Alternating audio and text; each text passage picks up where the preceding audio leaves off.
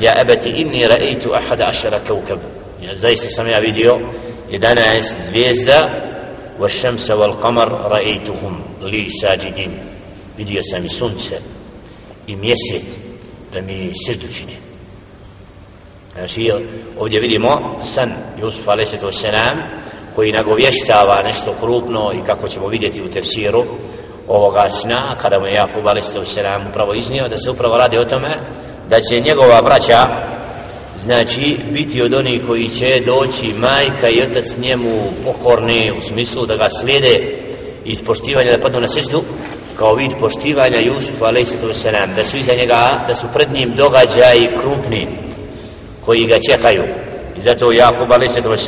na osnovu ovoga sna već je imao da kod sina Jusufa a.s. imaće događaje zato je rekao ja bunayya la taqsus ru'yaka ala ihvatika nemoj taj san pričati to i braći. Ja, ako im to kažeš u startu da će doći tebi podređeni da bit će im to već znači kao da im pozivaš u otvorenu borbu odmah u startu. Ostavi to, neka taj san bude iako će se to kasnije dogoditi ali znači ostavlja taj san kao mamanat jer doće dan kad će se obistiniti sve one spletke koje budu kasnije prema Jusufu a.s. znači Đelle Šenu će vratiti i poniziti ih i doći taj moment koji on upravo ovdje vidi putem zvijezda i putem sna.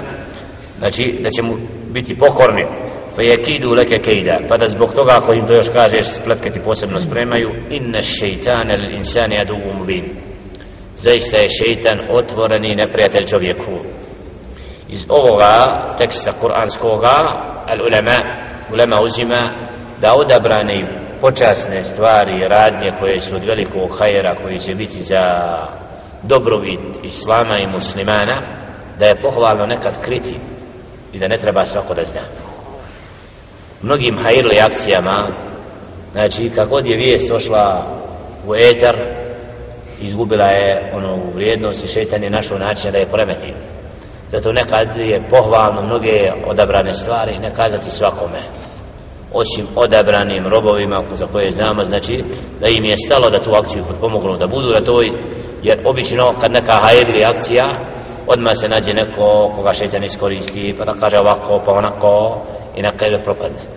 Zato odabranim poslovima od svojstava etkitman znači tajno nekad neke stvari pripremiti, dogovoriti sa posebno počasnim osobama i onda kad sve se dogodi onda staviti drugima za ibrati povuku znači to je hikmeta. Min hikme znači u svim događajima ne treba obavijestiti svakoga ne šeitan ili insan jer šeitan na osnovu te priče prisluškuje šeitan prati čovjeka i oni događaje mnoge prate da kasnije prenose وكذلك يجتبيك ربك ويؤلمك من تأويل الأحاديث ويتم نعمته عليك وعلى آل يعقوب كما أتمها على أبويك من قبل إبراهيم وإسحاق إن ربك ربك عليم حكيم وكذلك يجتبيك ربك itakođe će tebe tvoj gospodar odabrati i podučiti tumačenju govora ويتم نعمته عليك i upotpuniti svoju blagodat prema tebi a to je poslanstvo wa ala ali Jakub i porodici Jakuba isto kao što je to učinio prema tvojim očevima Ibrahim i Ishak. A to jeste Ibrahim i Ishak. Znači oni koji su bi roditelji Jakub a.s. Ishak i Ibrahim. Otac i djed. Dao im je poslanstvo počastio Ibrahim a.s. od najdobranih poslanika. Znači Halilullah voljeni rob Allah subhanahu wa ta'ala zavolio. Inna rabbeka alimun hakim zaista tvoj gospodar subhanahu wa ta'ala je onaj koji je o svemu obavješten i mudar.